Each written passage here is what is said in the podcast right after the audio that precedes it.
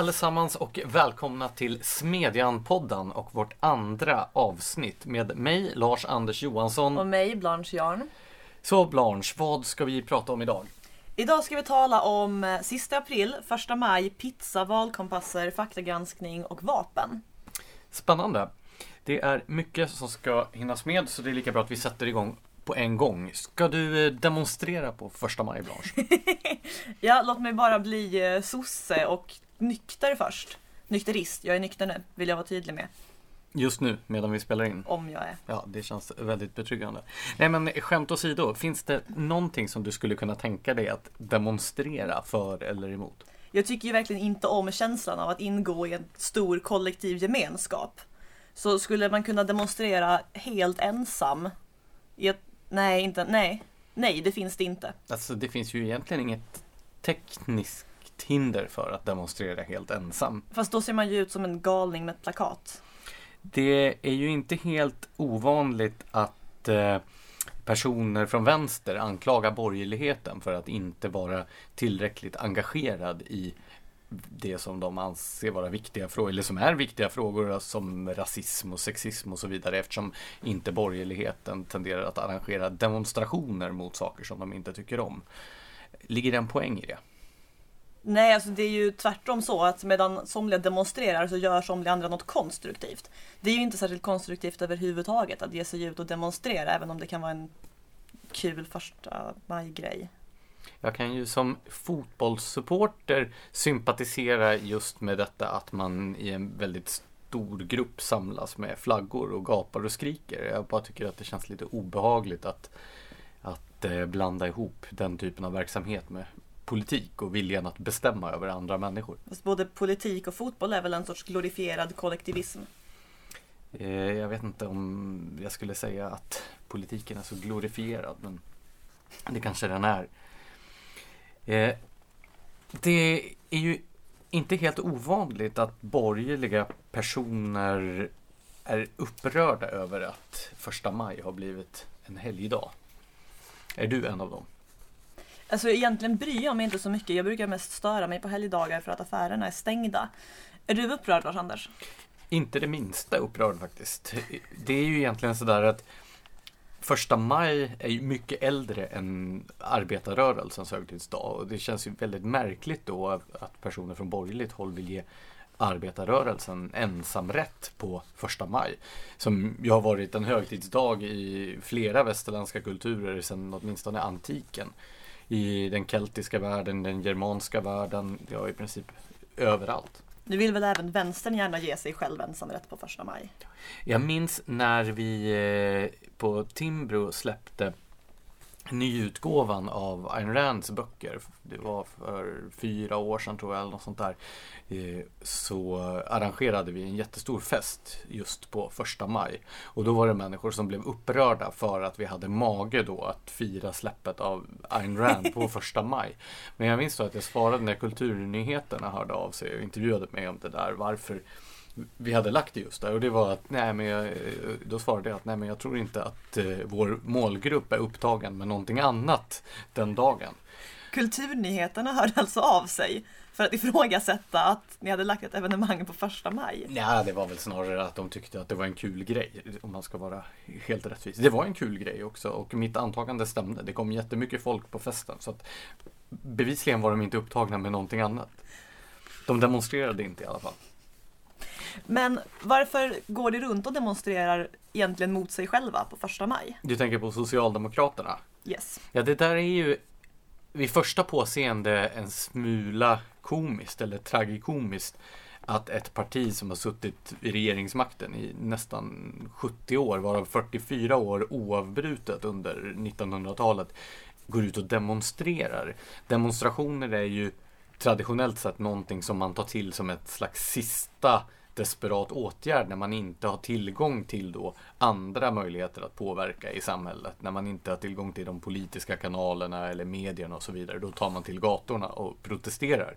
Och då blir det ju otroligt konstigt att ett att ett eh, maktparti som sitter i regeringen går ut och demonstrerar. Men där tror jag att man måste förstå, det här, så här ser det ju ut i andra socialistiska länder också. I de kommunistiska öststaterna ordnades det ju marscher och parader och sådär. Och jag tror att det hänger samman med de här socialistiska rörelsernas självbild.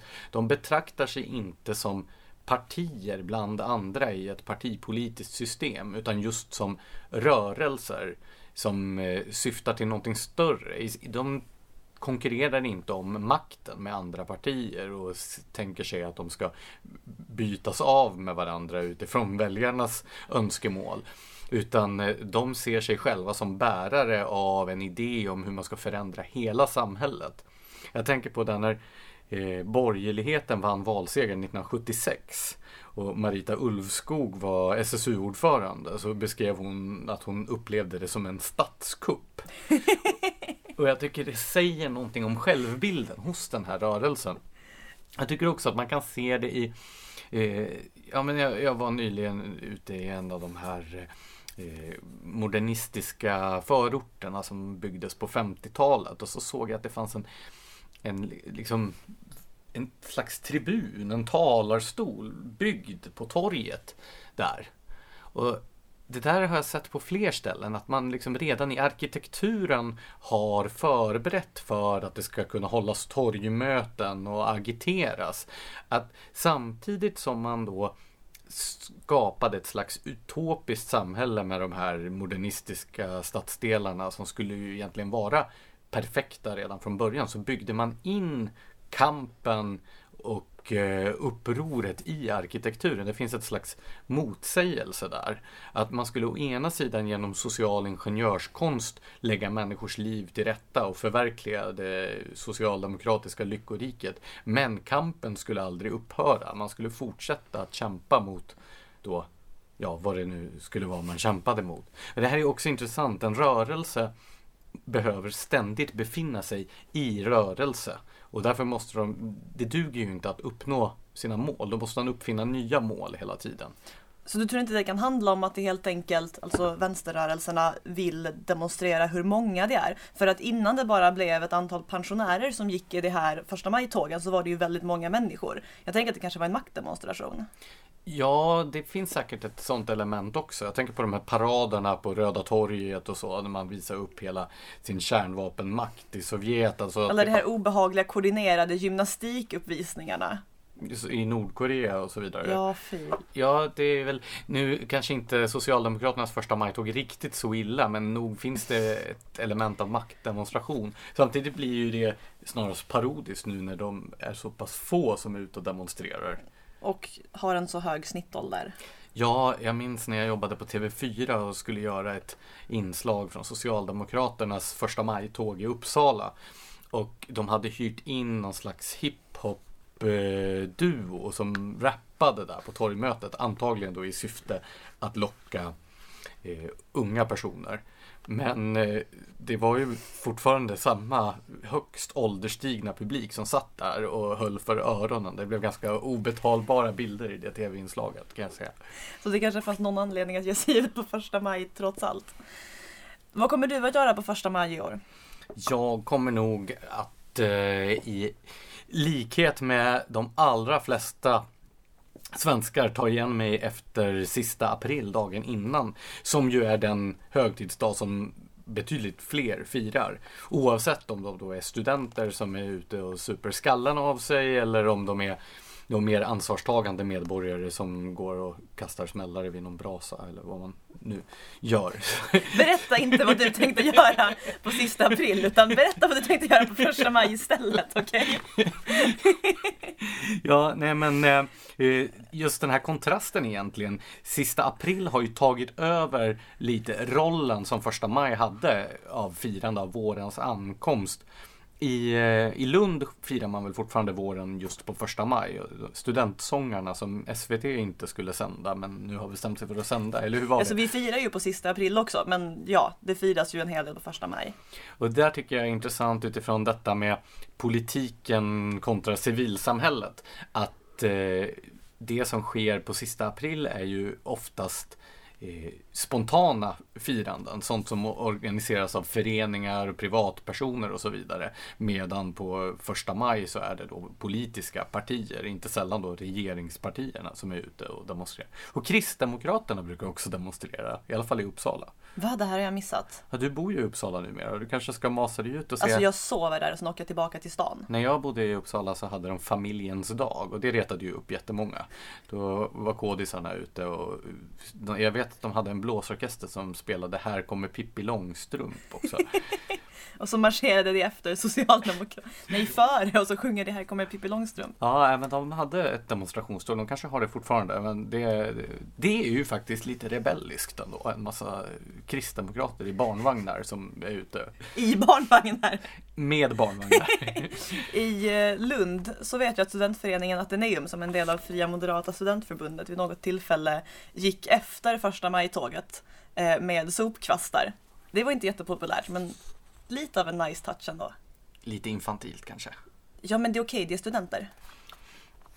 Jag kan ju också tycka sådär lite grann att eh, socialister, marxister har shanghajat den här eh, den här arbetarrörelsens högtidsdag också från de anarkister som vars minne man ursprungligen firade.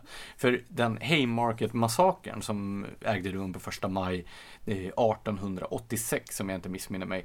Där var det ju framförallt anarkister som eh, var involverade. Men den andra internationalen som grundade första maj som arbetarrörelsens högtidsdag, den var ju eh, marxister. De hade uteslutit alla anarkister som utgjorde hälften av den första internationalen. Så eh, precis som jag tycker att alla hederliga människor borde återta firandet av vårens ankomst på första maj så tycker jag att anarkisterna borde återta första maj som arbetarrörelsens dag. Du vill ha upprättelse åt anarkisterna? Ja, upprättelse åt anarkisterna. Jag är helt okej okay med det. Vi måste gå vidare i vårt program nu. Så vad har vi nu för spännande på, på dagordningen? Vi har pizza på dagordningen. Jag önskar att vi hade haft pizza här, men vi har bara ämnet pizza. Eh, Nyheter 24 gjorde en eh, djupsinnig och eh, spännande undersökning av partiledarnas pizzapreferenser. Hur kommer det sig att du har läst i Nyheter 24, Blanche? Jag har inget bra svar på den frågan och eh, jag eh, hänvisar alla övriga kommentarer till min PR-agent. Mm. Men har du läst den här eh, guiden till partiledarnas pizzapreferenser? Nej, det tror jag inte att jag har gjort. Bra, då kan jag nämligen göra ett test på dig. Jag kommer att säga en pizza och sen kommer du att göra en analys av personen som har denna som sin favoritpizza. Och sen kommer vi att se om det passar överens med den partiledare som gillar den här pizzan. Är det här någon slags eh, anknytning till första maj som ju är bakisdagen nummer två efter eh, nyårsdagen i Sverige numera? Ja, vilken pizza kommer du att äta på första maj? Eh, det får vi se när vi har gått igenom det här testet som du tänker utsätta mig för. Okej. Okay. Hade du varit en person som hade valt att äta calzone, vad hade du då varit för typ? Vad är det på en calzone? Nej men det är väl helt enkelt de här ihopvikta pizzorna? Är inte det bussola? Eller är det calzone? Nej. Nej men jag tror det är calzone. Jaha, en eh, inbakad pizza alltså? Ja. Så inbakade pizzor de blir ju inte gräddade, de blir ju liksom slemmiga inuti. Det är Så sant. Det, jag vet inte, en hal typ av något slag skulle jag tänka. Om du visste hur rätt du har träffat. Nu ska jag inte vara sån. Eh, det kan ju vara så att eh, det är Folkpartiet och Centerpartiet vars partiledare just föredrar de hala pizzorna. De vill ha inbakade pizzor alltså? Ja. Det är ju intressant. Jag tänker på det här. Det sägs ju att eh, det sägs ju att det är omöjligt att slå ihop eh, Liberalerna och eh, Centerpartiet eftersom partikulturerna skiljer sig så otroligt mycket åt. Men eh, det här är ju då ett tecken på motsatsen. Vi kanske bara behöver enas över en pizza på första maj. Så, nästa pizza. Okej, vi rör oss vidare. Mafioso. Det är alltså oxfilé, färsk tomat, vitlök. Det låter ju gott. Sure. Onekligen. Ehm, det låter ju som någon som, ehm, som vet vad den vill. En eh, bestämd person. Nja. En ehm, med båda fötterna på jorden. En Sverigedemokrat. en socialdemokrat. Nej men tänk mafioso, LO, Hyresrättsföreningen. Jag kan se Karl-Petter Thorvaldsson äta en, eh, en, eh, en mafioso, det kan jag onekligen. Men Stefan Löfven alltså, okej. Okay. Mm -hmm. Okej, okay, den här är ju lätt, men eh, vegetarisk pizza? Det känns nästan lite för enkelt i och för sig. Ja. Å, å andra sidan så tänker jag sådär, eh, det är ju uppenbart Miljöpartiet om inte det är en, en kuggfråga på något sätt. Men om det är Miljöpartiet så vill jag ju ändå då slå ett slag för Gustav Fridolins jaktintresse som ju lite grann sticker ut i en miljöpartistisk kontext. Och kan kompensera för hans vegetariska pizzor. Ja. Alltså han behöver ju inte kompensera lika mycket. För att medan Lövin bara sa vegetarisk pizza så har Fridolin en favorit med ett namn som är jätteobehagligt och jag kan inte sätta fingret på varför men du kommer förstå vad jag menar. Hans favoritpizza heter då Getahålan. Och den där minen, ja. Eh, den finns alltså på Vittsjö pizzeria och har lite ostar och tomatsås. Och den heter alltså Getahålan. Det låter snuskigt på något obestämbart sätt. Eller bara motbjudande. Getahålan alltså. Yes. Vill du analysera det här på något plan eller vill du bara gå vidare? Jag vill helst gå vidare från getahålan, tack. Okej. Den person som föredrar en pizza med ost, tomatsås, grillad aubergine och zucchini och sen lite färsk rucola och parmaskinka ovanpå. Här snackar vi en riktig glidare. Jo, jo. Någon med smak för livets goda. Detta är en... Det hade ju kunnat vara någon slags miljöpartist. Å andra sidan så är det ju, eh, är det ju kött på den. Det skulle... Det är inte en socialdemokrat. Det är definitivt inte en sverigedemokrat. Och vi har redan avklarat mittenpartierna. Då har vi alltså bara högern och vänstern kvar här. Ja. Ja. Och Sverigedemokraterna. Ja. Men det var ju tydligen definitivt inte en Sverigedemokrat. Ja, men... Eh, Vilken ingrediens skulle inte en Sverigedemokrat ha på sin Men eh, jag tror nog att det är, ja men det, det är alldeles för ofolkligt detta. Eh, för osvenskt säkert också. men eh, nej, ja, ja men det hör du ju. Det, det låter ju alldeles för italienskt. Eh, nej, eh, jag tror att det är en champagnesocialist. Det är till, eller vänta, beroende på om Vänsterpartiet är kommunister eller socialister nu för tiden, så är det ju då Jonas Sjöstedt, den kända Östermalmsinvånaren, även om jag tror han har flyttat nu. Ja, men det var det jag tänkte. Han, eh, han är väl också gift med en diplomat tror jag och sådär. Så att, eh... Men jag måste säga att jag ändå gillar det här totala frånvaron av behov av att känna sig folklig. Inga pretensioner. Han står för vem han är. Ja, absolut. Det är väl Eh, det är väl eh, han och Fridolin som har tänkt utanför boxen hittills. Yes. Ja, ska vi klara av de sista också? Okej, låt mig ta den konstiga. En partiledare svarade att han eller hon inte riktigt har någon favoritpizza utan brukar snylta lite på sin frus eller makes Hawaii-pizza med curry och banan. Alltså det är, så, det är ett jättekonstigt svar. Det är alltså en person som inte äter egna pizzor men äter andras. Och äter andras när det är banan och curry på dem. Så det kan ju vara så att den här äkta hälften alltid beställer samma så att det är det som står till bud. Det kan ju vara så att det centrala inte är vad det är för sorts pizza utan att det inte är en egen pizza. Det men det, det här känns ju också, det är ju politiker som har svarat här och politiker vill ju alltid signalera när de svarar någonting. Så vad, vad vill en politiker förmedla som säger att han eller hon inte äter sina egna pizzor? Att han eller hon har en fru eller make med spännande pizzasmak. Men... Jag har ingen aning om vad det ska säga. Det är jätte, jättekonstigt. Jag kan inte se för mig att det är Jimmy Åkesson. Ja, då är det, det återstår två personer. Det är mm. Ebba Busch Thor och det är Ulf Kristersson. Och eh, äh, men det, det, skulle kunna vara Ebba Busch eftersom det, personen vill framhäva att den är gift. för att det är vad kristdemokrater gör. De tar ställning för kärnfamiljen och äter varandras currypizzor. Det är den enda tänkbara förklaringen jag kan se till detta underliga svar. Det är ju då Kristersson. Kristersson äter andras pizzor. De nya Moderaterna äter andras currypizzor. Det här är så konstigt så att jag har ingen vidare kommentar till detta. Nu återstår alltså Ebba Busch Thor och Jimmy Åkesson. Jag kommer att säga de båda svaren. Och sen har du en 50% chans att gissa rätt. Den ena vill ha en pizza med tomat, ost, gyros, bacon, jalapenos, pommes och stark sås. För övrigt är pommes den sjukaste grejen man kan lägga på en pizza. Jag fattar inte varför man skulle vilja göra så. Hur som helst, den andra svarade Ändra en hemmagjord med ädelost och pinjenötter eller en hawaii med bearnaisesås. Alltså, det är, det är ju ganska uppenbart vilken som är vilken, tänkte jag ända tills jag hörde det här. Bearnaisesås. Ja, det, det var lite av en joker. Men nej, det, jag kan inte se Ebba Busch Thor äta en pizza med pommes på. Det, nej, nej, men det går inte. Det är klart att det är Jimmy Åkesson som äter en pizza med gyros och bacon och allting sånt. Och Yes, Jag vet inte, baconet kanske är någon slags ställningstagande mot islam eller jag vet inte. För, för fläsk i allmänhet. Ja, medan, äh, nej men det, det känns ändå. Men varför? Bacon är dock en av de bästa svenska värderingarna. Ja, det låter jag vara osagt. Men eh, det är ju gott med bacon. Däremot så förstår jag inte varför Ebba Busch har bearnaise på sin hawaii-pizza. Nej, inte jag heller. Det är ju ananas och skinka.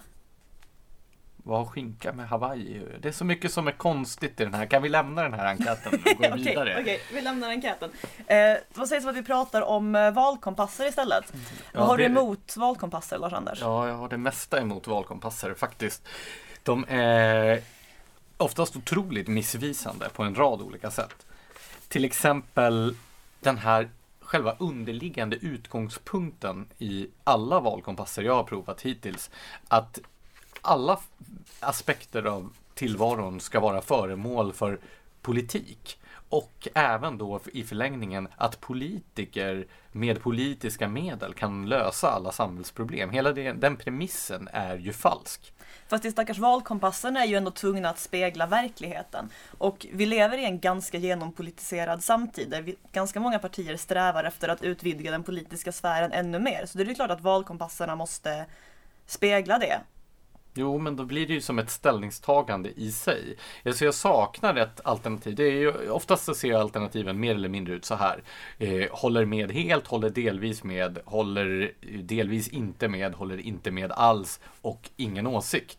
Jag skulle vilja ha, jag tycker inte att politiker ska bestämma om det här. Det brukar väl falla under ingen åsikt. Fast jag har ju oftast väldigt starka åsikter om de här sakerna. Ja, men ibland har man ju heller ingen åsikt än att man instämmer i något. Alltså ofta är det ju formulerade på ett så sneaky sätt de här frågorna. Typ, tycker du att fler pappamånader ska införas? Så här, nej, om man ska avskaffa först alla pappamånader och sen föräldraförsäkringen. Men det är inte direkt ett alternativ. Nej, precis. Att, utan det är ju själva premisserna är tiltade. En annan sak, det är ju detta att en av de grundläggande förutsättningarna för politik handlar ju om att allting måste finansieras. Alltså är varje politisk sakfråga, varje reform är en fråga om budgetprioriteringar. Varje sak som man då vill med politikerspråk satsa på betyder ju att man måste ta pengar någon annanstans ifrån. Oavsett om det handlar om att höja skatten eller skära i någon annan budgetpost eller vad det nu är. Men den aspekten kommer aldrig med i valkompasserna. Hur ska den här åsikten omsättas i praktiken? Hur, varifrån ska pengarna tas? Och det gör ju att varje frågeställning blir ju helt värdelös. Egentligen tänker jag att i en valkompass borde varje fråga eh, åtföljas med följdfrågan och hur vill du finansiera det här? För att alternativet är ju att man har, säg att man har tio stycken skattehöjnings, eller tio stycken förslag att ta ställning till som kräver ökad finansiering. Och att man då beroende på vad man svarar i frågorna om hur mycket skatt som ska tas ut och andra saker inte kan ställa sig positivt till för många av de här dyra förslagen. Det, jag har hittills inte sett någon valkompass där man får ta ställning till hur stor statsbudgeten ska vara till exempel. Hur högt skattetrycket ska vara. Nej, eller hur fördelningarna ska se ut. Jag skulle vilja ha ett tårtdiagram med då de olika eh, delarna av offentlig sektor där jag skulle kunna dra då hur stor varje sektor skulle få vara, hur stor andel av statsbudgeten och sen en stapel där jag kan få dra i hur stor statsbudgeten ska vara överhuvudtaget. Jag skulle vilja ha ett parti som sen speglade mina värderingar i de här frågorna, men det verkar inte vara på väg att hända. Med tanke på att du vill demonstrera helt ensam så tror jag dina förutsättningar för att ha ett parti är lite begränsat. En individualists förbannelse. Däremot så, ja, varje valår, i, i princip alltid annars också, så eh, önskar jag att Johan Norbergs gamla förslag omsattes i praktiken. Nämligen att all skatt skulle betalas in en gång vart fjärde år och det var dagen innan riksdagsvalet. Nej, i samband med riksdagsvalet. Nej, Ja, man går med sitt inbetalningskort och sitt röstkort till vallokalen. X antal hundratusen eller miljoner eller någonting. Ja, Det hade fått en positiv effekt tror jag.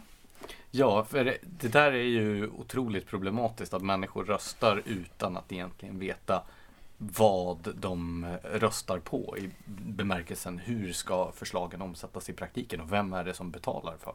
Tror du det finns någon risk att den som inte tycker politik är så himla intressant men ändå känner en, en medborgerlig plikt att rösta går in och gör en sån här valkompass och sen tar den på så stort allvar att det faktiskt går och röstar på partiet? Jag tror att det finns en sådan risk eftersom många människor, särskilt i ett sånt här politiskt landskap där partierna under decennier har flyttat allt närmare mitten och blivit allt mer lika varandra. Så tror jag definitivt att, men tänk en människa som inte är särskilt intresserad av politik, det vill säga en ganska sund och balanserad person som då söker vägledning i hur den ska rösta. Det är klart att de här sakerna blir ett lockande verktyg att använda då. Sen hoppas jag väl att ingen tar resultatet på allt för stort allvar då. Men, Nej. men det är ju en industri för att hålla statsvetare sysselsatta i alla fall. Vad som stör mig ännu mer än de här valkompasserna, det är ju de här testerna där man blir placerad på två stycken axlar. Där den ena då brukar kallas höger och vänster och det handlar i princip om hur mycket skatt man vill utsätta sina medmänniskor för. Och den andra, ändra är så här auktoritär eller frihetlig, eller ännu värre den här hemska Galtan-skalan. Det är den här miljöpartistiska skalan, eller hur? Precis, den som miljöpartister använder för att få sig själva att verka frihetliga och traditionella människor att verka som auktoritära nationalister. Skön, oskön skalan i princip. God, ond, ja, jo, bra, den- nyliberal. Jo, det är ju en klassiker. Nej, men man får ju intrycket av att de här sköna människorna har tagit allting som de ogillar och som inte är tillräckligt progressivt. Och så har de buntat ihop det i ett hörn och så har de kallat det för TAN. Mm, Det är ju trist att den som är frihetlig nu måste vara grön och alternativ också. Jo, precis. Och sen det här märkliga att då Eh, traditionellt sinnade människor framställs som auktoritära. Min erfarenhet är den raka motsatsen. Att det är bland de progressiva som viljan att tvinga och få andra människor att rätta sig i ledet är som allra störst. Det är ju de progressiva som vill använda skattebetalarnas pengar för att då i detalj reglera hur de ska leva sitt familjeliv till exempel. Ja, man kan ju inte direkt anklaga, eller anklaga, man kan ju inte direkt påstå att Miljöpartiet är helt oauktoritärt. Jag tänker på deras kulturpolitiska program. Ja, precis. Nej, det finns ju en lång rad sådana exempel. Men den, där typen av skalor är ju ganska tramsiga. Det som är sorgligt är ju att de fått trots allt en ganska stor påverkan på samhällsdebatten. Det var ju under ett antal månader där den här galtanskalan då användes seriöst på ledarsidor och så vidare. Men nu verkar den ha ebbat ut lite. Ja, tack och lov. Och egentligen så tycker jag också att alla de här åsikterna ryms egentligen på en vanlig endimensionell skala mellan höger och vänster. För att vad det egentligen handlar om, om man går, vad heter det, back to basics. Det är ju så här en skala från att staten ska ha all makt till att individen ska ha all makt. Och det handlar ju lika mycket om makten över den egna plånboken som det handlar om makten över vad man ska ha på sig eller vad man ska få röka på sin fritid. Ja, fast det finns ju fler skärningslinjer. Däremot så är det ju svårt att göra den där med bara två axlar. Men det är ju klart att det är en stor skillnad om, om nu staten driver alla skolor till exempel och bestämmer över läroplanerna så är det ju en väldigt stor skillnad om det som lärs ut är eh, då ett, ett traditionellt curriculum och att barnen får lära sig läsa och skriva eller om det är någonting helt oseriöst och flummigt eh, ja, kuddkrig och cannabis. Vad är det för fel på kuddkrig och cannabis? Ingenting alls, men det kanske inte är vad som ska pågå i klassrummet. Jag, jag förstår vad du menar. Innan det här urartar ska vi gå vidare. Ja, Okej, låt oss eh, gå vidare till eh, någonting du har skrivit om nyligen, nämligen den här faktagranskningskartellen. Där några av de största mediehusen och eh, public service går samman för att tillsammans granska vad som är falska nyheter och inte. Vad tycker du om det? Jag tycker det är helt fantastiskt att vi nu kommer att slippa alla former av lögner, missförstånd, missuppfattningar, eh, tveksamheter och vilseledning i nyhetsrapporteringen framöver. Vi är i trygga händer, Blanche. Jag är så lättad att höra detta. Ja, Jag tycker naturligtvis att det är jätteproblematiskt att de, några av de största medieaktörerna i Sverige går samman så att det blir färre instanser, färre olika perspektiv på då de nyheter som, eh, som förmedlas. Så syftet med, den här, med det här samarbetet är ju naturligtvis gott. Det är ett problem med att det sprids falsk information, det sker påverkan från främmande makt, det finns grupper och enskilda personer som har ett intresse att det sprids eh, felaktigheter i offentligheten. Och det här måste medierna hantera på ett eller annat sätt. Däremot så tror jag att den här typen av samarbeten är helt fel väg att gå för att komma till rätta med det. För det första så bygger ju journalistik helt från grunden på att man gör seriös faktagranskning och källkritik. Det här är ju ingenting nytt så som det låter i, i debatten, utan det är ju helt grundläggande. För det andra så är den bästa säkerheten mot och spridande av felaktigheter och falsk information är ju att det finns många seriösa, av varandra oberoende redaktioner som konkurrerar och bedriver varsin faktagranskning och egen källkritik och som även granskar varandras granskningar och slutsatser. Om det bara finns några få instanser så är ju också sannolikheten att det blir felaktigheter mycket större. Ja, ett problem som knyter an till det är ju också att det finns ganska många där ute som eh, inte tycker att eh, de här stora mediehusen och public service har en särskilt hög trovärdighet i de här frågorna eftersom de upplever att det är eh, vinklade helt enkelt. Eh, det kom ju en ny, eh, vad heter det, den här... Eh, Förtroendebarometern. Exakt, en ny förtroendebarometer nyligen som visade att bara 46 procent har förtroende för eh, radio och tv i allmänhet och bara 28 för dagspressen. Och det är ju extremt låga siffror. Däremot måste man ju komma från en plats med väldigt hög trovärdighet ifall man ska kunna med auktoritet säga det här är en falsk nyhet och det här är fakta. Ja, jag tror ju att det här riskerar att undergräva förtroendet hos de som inte har förtroende för de etablerade medierna så tror jag att det här snarare riskerar att förvärra situationen ytterligare. Och även då konspirationsteoretiker som sprider en bild av att mainstream media håller varandra om ryggen. De kommer ju verkligen att få vatten på sin kvarn utifrån ett sånt här samarbete. Ja, alltså det där har ju redan hänt i praktiken. Facebook hade ju under förra året i åtminstone några länder Eh, på försök ett system där man samarbetade med så fyra, fem faktagranskare. Och om två eller flera av dem markerade en nyhet som delades som eh, fake news så kom en varningsflagga upp när någon försökte dela den här. Och vissa av de här nyheterna som flaggades fick jättestor spridning på grund av den här flaggan. För att då satte folk och skrev saker som att det här är en nyhet som Facebook försöker tysta, så nu måste vi sprida den så mycket som möjligt. Så Facebook var ju till och med tvungna att avskaffa det här varningsflaggorna till slut för att det fick den motsatta effekten. Ja, eh, ytterligare ett problem är ju det att det är inte alltid helt uppenbart. Det har vi sett hos viralgranskaren och andra som redan håller på med den här typen av verksamhet. Det är inte alltid helt uppenbart vad som är en faktafråga och vad som är en tolkningsfråga. Och ofta har de här granskningarna glidit över i att slå fast att en tolkning av ett skeende är då den absoluta sanningen. Och ju färre instanser det finns som gör den typen av tolkningar, desto mer problematiskt blir det. Särskilt då när det är så tunga aktörer som Schibsted, Bonniers, SVT och SR så finns ju risken att det här kommer att hänvisas till som någon slags absolut sanning även när det kommer till rena tolkningsfrågor. Ja, och det blir ju extra problematiskt i det att SVT till exempel tidigare i sin rapportering om Venezuela på riktigt har behandlat det som att orsaken till den enorma krisen som pågår där är att oljepriserna är höga och inte att det är ett misslyckat socialistiskt experiment.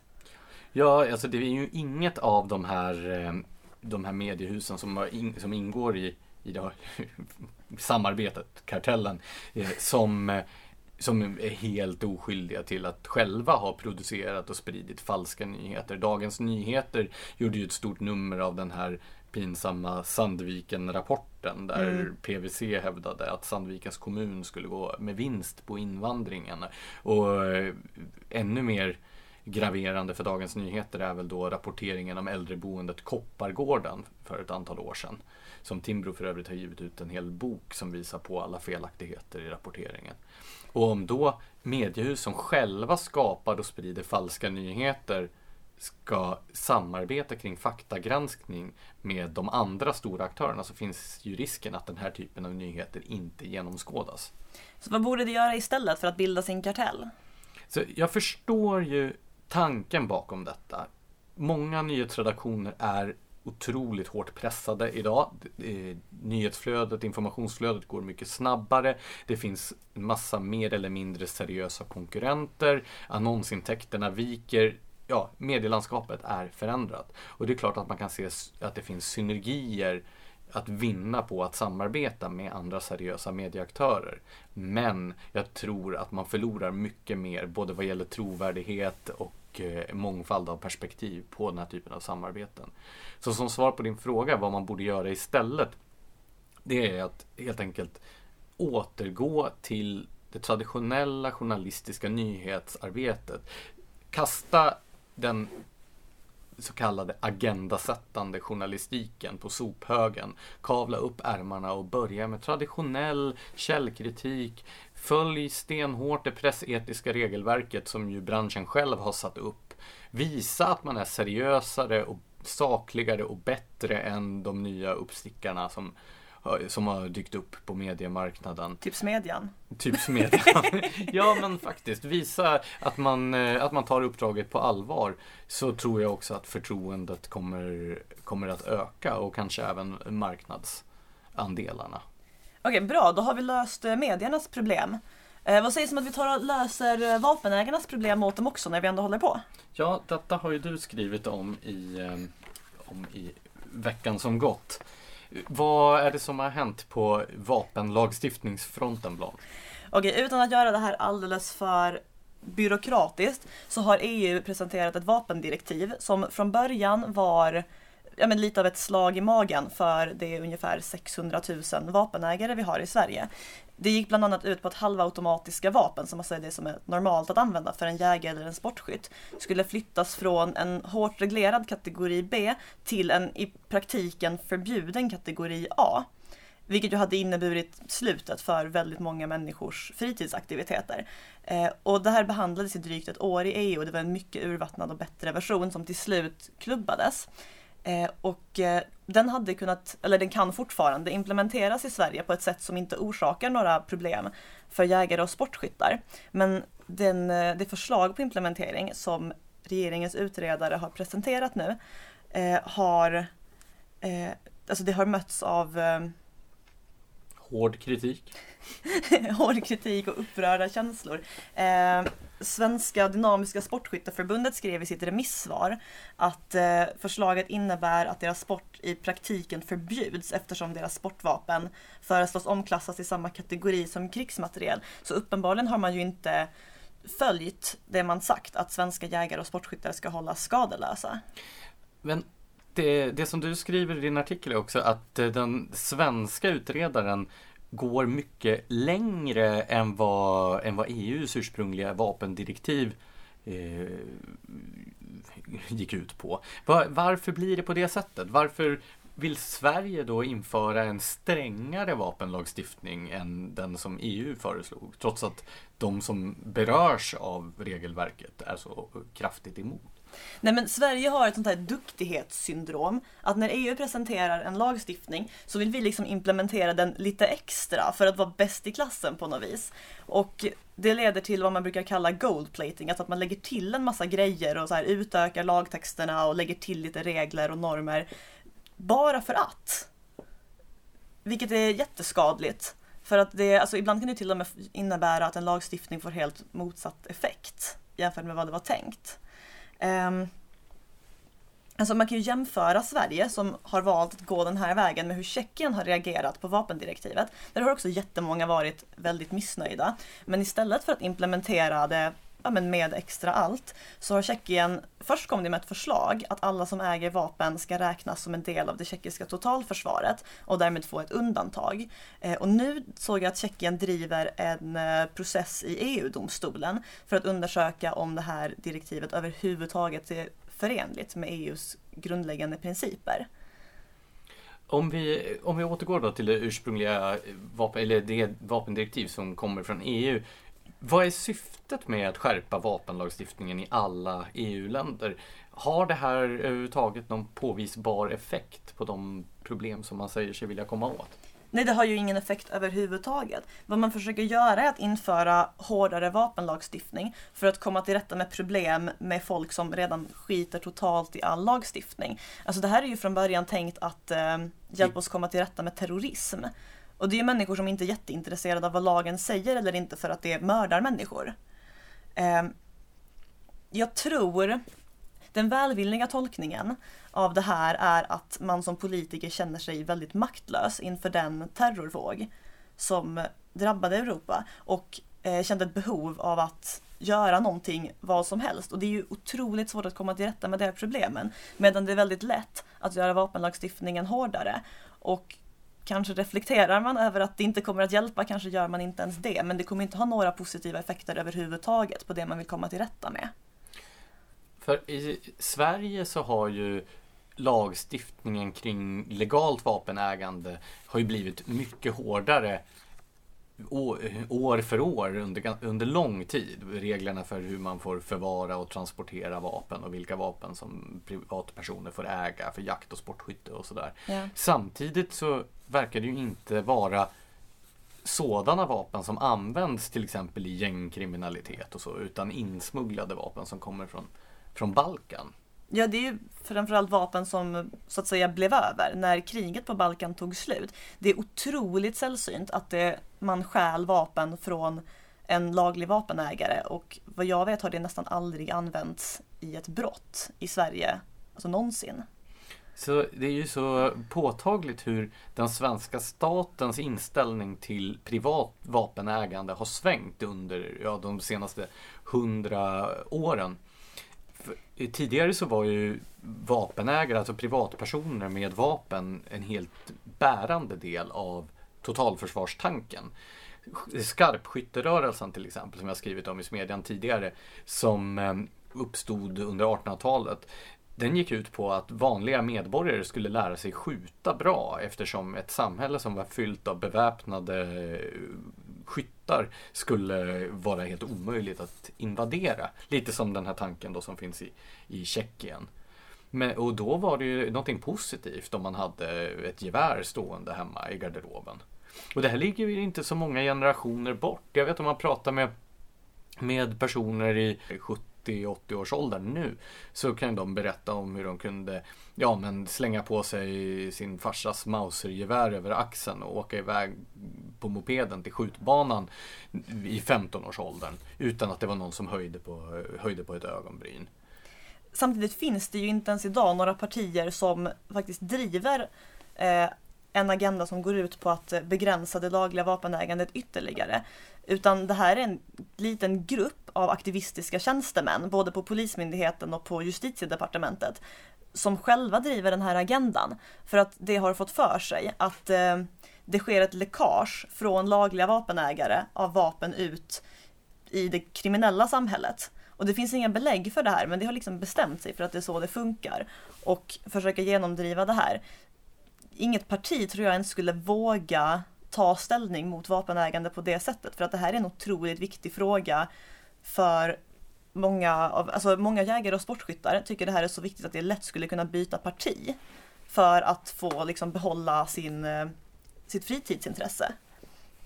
Men vad är det som driver den här agendan? Varför vill då de här tjänstemännen göra livet surt för så många när det inte ens löser något av de problem som man vill komma åt? Ja, ändra så är det ju bara för att jävlas, eller så har de fått en fix idé att den här läckagehypotesen stämmer. Så är det, finns det något slags ideologisk drivkraft bakom att vanliga medborgare inte ska ha tillgång till vapen? Men det är klart det gör. Alltså, på en nivå handlar det ju om vilken tilltro man sätter till vanliga människor. Alltså, just nu så pågår politiska rörelser som handlar om att en vanlig, alltså medborgare i allmänhet inte ens bör få bestämma själva bör få bestämma själva vad de har för smak på sina cigaretter eller bör få köpa alkohol på en söndag. Och kan man inte ens hantera ett systembolag som har öppet på söndagar då kanske man inte borde hantera att få äga vapen heller. Och med det resonemanget som ju bygger på lite av ett folkförakt, då blir det ju naturligt att ta ställning mot vapenägande i allmänhet. Sen tror jag också att det på någon nivå är lite av en höger-vänster fråga eftersom det ju för oss som är höger handlar om lite av en maktbalans mellan staten och individen. Många totalitära regimer har ju inlett, eh, inlett sin bana med att konfiskera så mycket vapen som möjligt för att det ökar regimens makt gentemot folket. Och därför tror jag det finns en inbyggd eh, motvilja bland många till höger mot den sortens politik. Ja, så det är när vapenlagstiftningen blir alltför rigid som man som medborgare ska börja oroa sig på allvar med andra ord. Låt oss hoppas att det inte är så. Ska vi då gå över till vårt avslutande block här då, nämligen eh, ett helt nytt element för poddens andra avsnitt, nämligen veckans läsarfråga. Och eh, den har dykt upp på Facebook och den riktar sig till dig Blanche. Jag läser högt, det är Kurt Wickman som skriver till dig. Så här skriver Kurt Wickman. Blanche, lyssna i alla fall på Bob Dylan. Får jag föreslå att du spelar upp Visions of Joanna från samlingen Blonde on Blonde. Gillar du inte poesin kan du lägga ner projektet. Annars går du vidare till Desolation Row på samlingen Highway 61 Revisited. Lycka till! jag får ju tacka för, eh, för välgångsönskningen. Men jag föredrar ju att separera min poesi från min musik så att jag läser Karlfeldt och lyssnar på Dismember. Och eh, sen måste jag också tyvärr säga att av de här olika namnen på låtar så var det inget som fick mig att tänka det här skulle jag kunna lyssna på. Som eh, varandes eh, både trubadur och tonsättare av Karlfeldt känner jag mig oerhört kränkt. Men Så jag... nästa läsarfråga kommer att komma från dig där du uppmanar mig att lyssna lite mer på tonsatt Karlfeldt. Så får det bli. Jag kommer nog ha hämtat mig från denna skymf till nästa avsnitt. Lycka till! Over and out.